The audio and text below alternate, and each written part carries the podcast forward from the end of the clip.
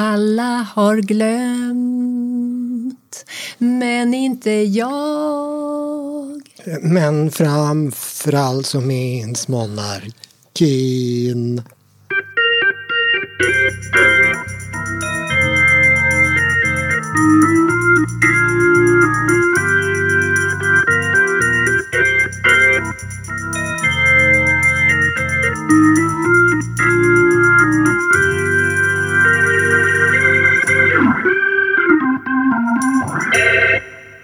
Välkommen till en kvart om Göteborg, Stadsmuseets alldeles egna podd om Göteborg. Jag heter Ylva.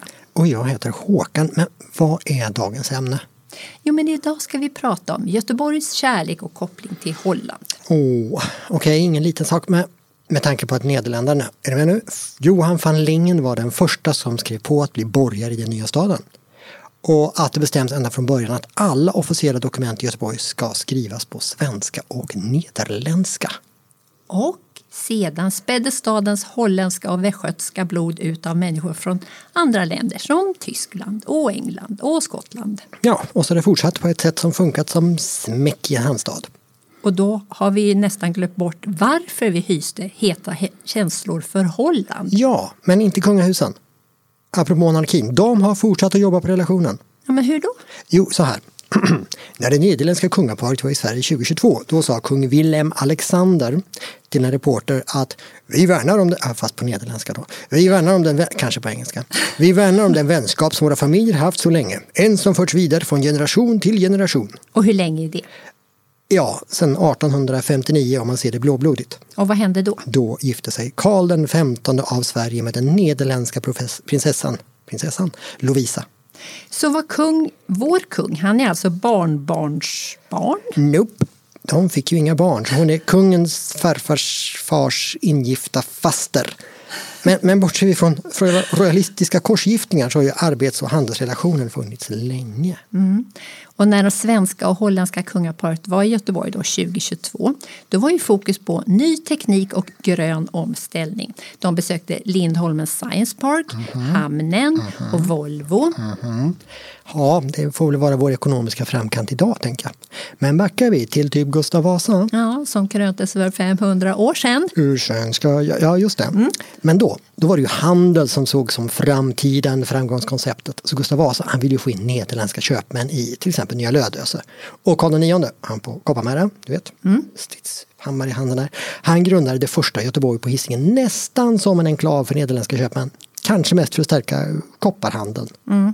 Det är den här staden som brändes ner av danskarna? Ja. Men, men fokuset på kontakter med Nederländerna, det fördes i alla fall vidare. Men, men eftersom? Ja, ja men det var väl att det gav en möjlighet att fortsätta stormaktsbygget i Sverige. Få in mer cash till kronan så att krigsmaskineriet rullade vidare. Men man hade ju en del utmaningar att ta itu med i början av 1600-talet. Och vad tänker du då på? Jag tänker nu citera, nu kommer ett citat här. Mm. Jag tänker citera den unge Gustav II Adolfs rådgivare, rikskanslern Axel Oxenstierna. Alla våra grannar är våra fiender. De polacker, ryssar och danskar. Så att ingen ort i Sverige, Finland och Livland kan säga att den är för fienden säker. Alltså Sverige var omgivet av konflikter? Precis, krig, krig och krig. Och då gällde det att hitta vänner någon annanstans. Och Gustav II Adolf är en lydig prins som går i pappas och farfars fotspår. Och farfar är då Gustav Vasa? Ja. Så redan som 16-åring får Gustav Adolf överta tronen och Sverige var då ett fattigt land med svag armé och i krig med, ja, inte minst Danmark. Så lösningen är här, Go West young man! Exakt. Kungen ville dirigera handeln och kunna kontrollera och ta in skatt på varor som såldes och köptes. Och lite försvarsbehov på det, alltså bygger han upp Göteborg igen, det som danskarna hade bränt fast på andra sidan älven som en ny port mot väster. Okej, okay. det här är syftet. Men det berättar ju inte varför han tar rygg på just holländarna. Jag tänker det här måste vi grotta lite i. Oh, ja, men vi, vi grottar. En anledning till att kungar och andra maktsugna var intresserade av de förenade Nederländerna som de kallades då var ju att landet var det mest dynamiska och blomstrande i norra Europa. Alltså handel, teknikutveckling, sjöfart. Det var en enorm expansion. Mm. Alltså det här kolonialism är lönsamt? Ja, inte bara, inte bara det. De nederländska städerna alltså de, de visade ju vägen. Mellan 1500 och 1650, 150 år, så ökar Amsterdam i befolkning från 10 000 till 200 000. Alltså, oj, oj, oj. Och 60 procent av Nederländernas befolkning bodde i städer på 1600-talet. Och i Sverige? Var det någon? Alltså typ 5 procent. Mm.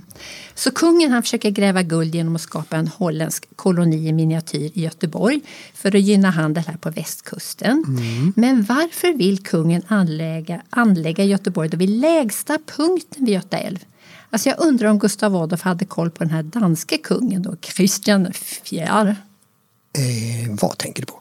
Alltså, År 1619 då kallar den danska kungen in en holländsk arkitekt för att bygga befäst hamn och kanalstad på sumpmarken mellan Köpenhamn och Amager. Okay, Amager. Just det, fortsätt. ja, men den här danska kungen han har ju Amsterdam som förebild. Kaxigt. Mm. Ja, så tydligen var ju dagens Christianshavn då ett riskområde i Köpenhamns marina försvar. Dansk kung in en nederländare som kunde visa hur man ska slå ner pålar och fylla på jord i Sanktmarken. Ja, precis. Och visst låter det lite grann som en prequel på Göteborg? Intressant info i alla fall. Mm. Så vad exakt är det holländarna har klämt på? Utöver att vanan att leva med blöta fötter? Ja, och göra något åt det. De har ju lärt sig hur man kan leva torrskodd i ett land som till stora delar ligger under havsnivån. Och det var en skill som behövde importeras till Göteborg. I kombination kan vi tänka med nederländsk befästningskonst. Ja men absolut. Holländarna har ju koll på det mesta. Men vi börjar med konsten att dika ur, skapa bostadsytor och få igång matproduktion på strandängar. Berätta. Ja, och nu kommer jag luta mig ganska tungt mot en avhandling utav Annika Strandin Pers från 2012 som heter Mark i marginalen. Drivkraft drivkrafter, pionjärer och myrodlingslandskap. Alltså, myrodling, objection my honor, det är inte så mycket hjortron i Göteborg. Ja, men tekniken kan man säga är motsvarande. Holländarna har ju kläm på hur man dikar ur och brukade mark som ibland var blöt.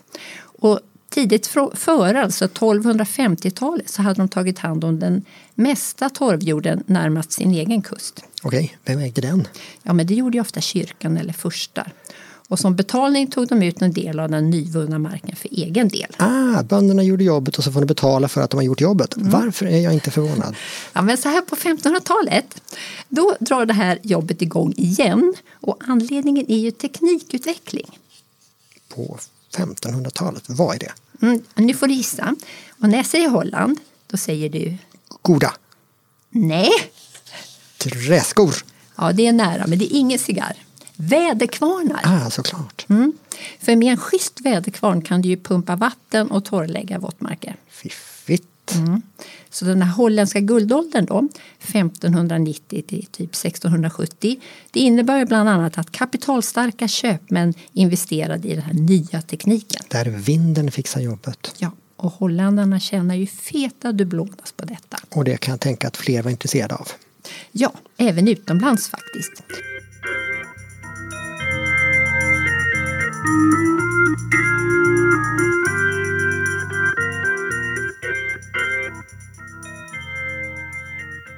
Det finns dokument som visar att holländarna mer eller mindre flänger runt i hela Europa som en slags resande torrläggningsexperter redan på 1400-talet.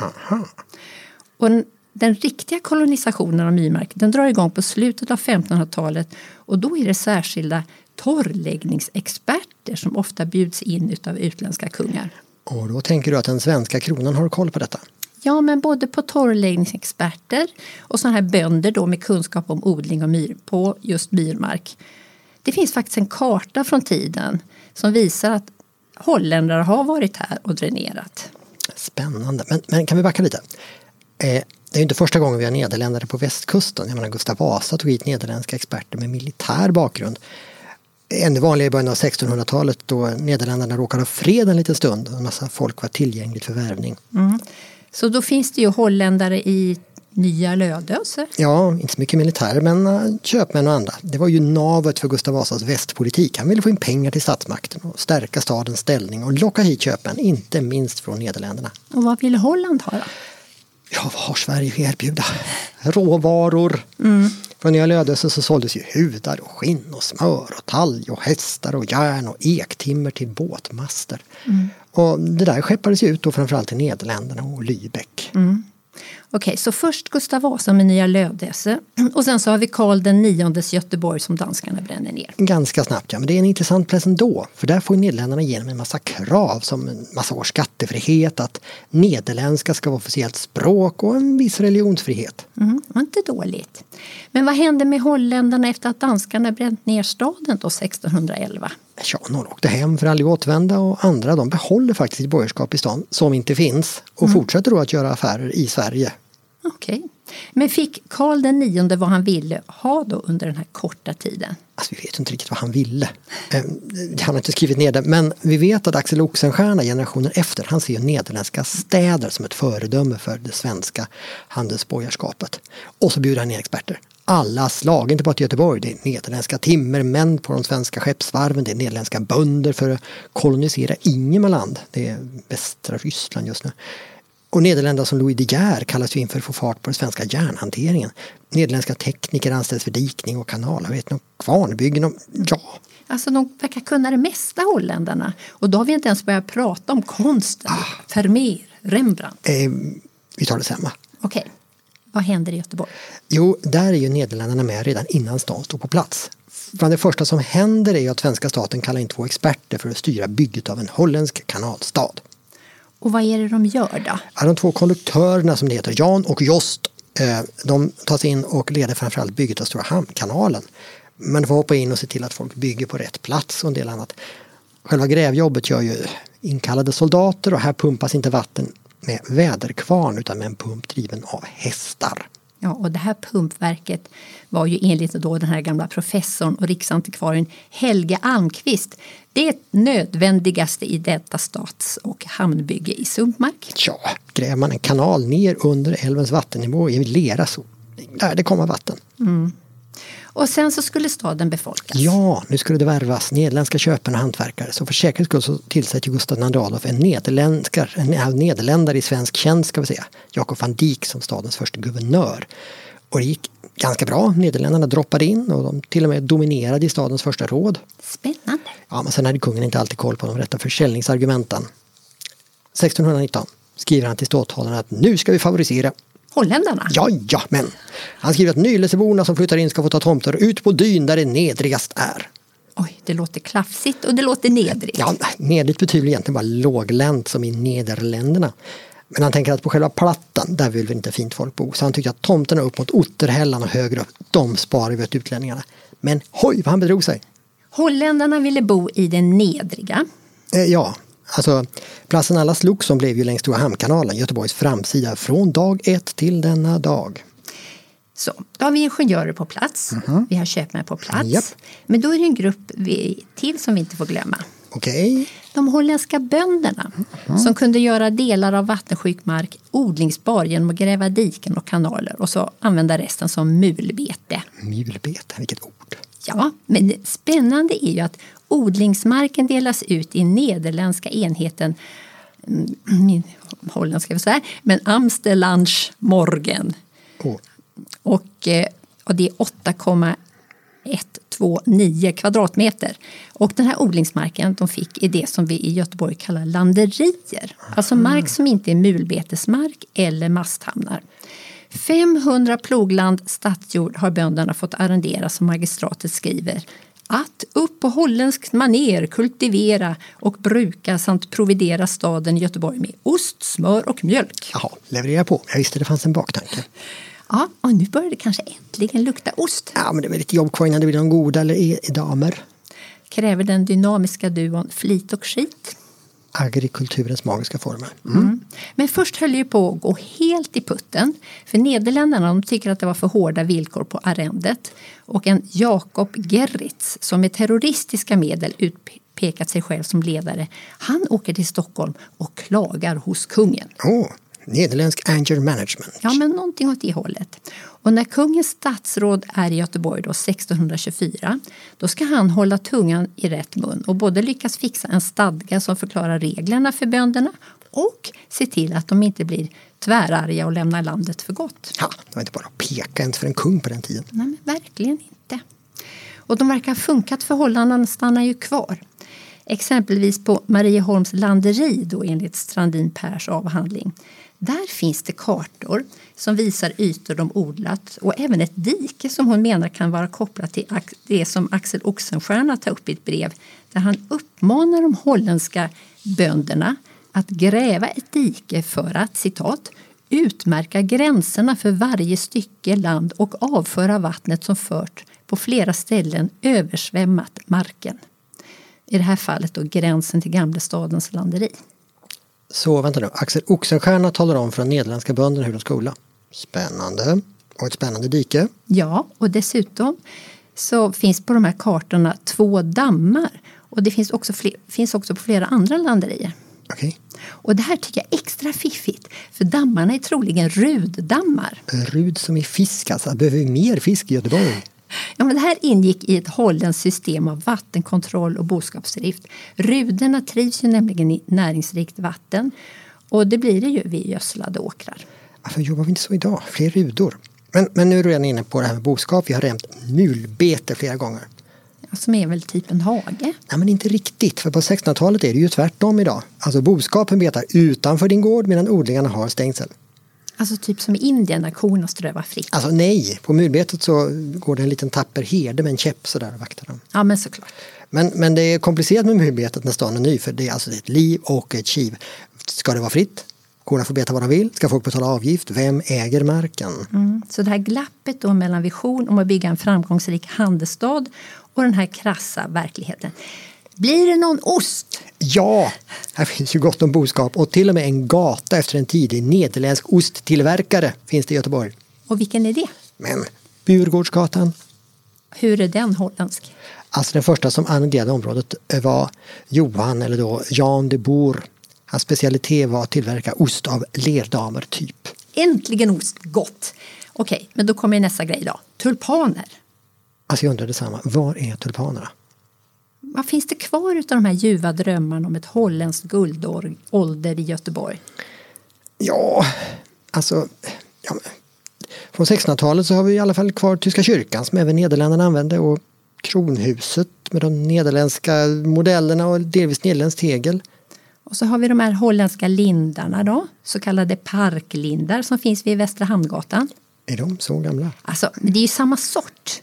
Och det, här, det påminner också om den här holländska kanalstadens ursprungliga grönska. Åh, kanalstadens grönska, vad fint det låter. Ja, och sen har vi flera gatunamn med holländsk prägel som Koopmansgatan i Majorna. Koopman som betyder köpman. Ja, då har vi också Holländareplatsen i Gamlestan till mina av de holländare som flyttade till Nya Lödöse. Kul, den ska jag komma ihåg när jag är där.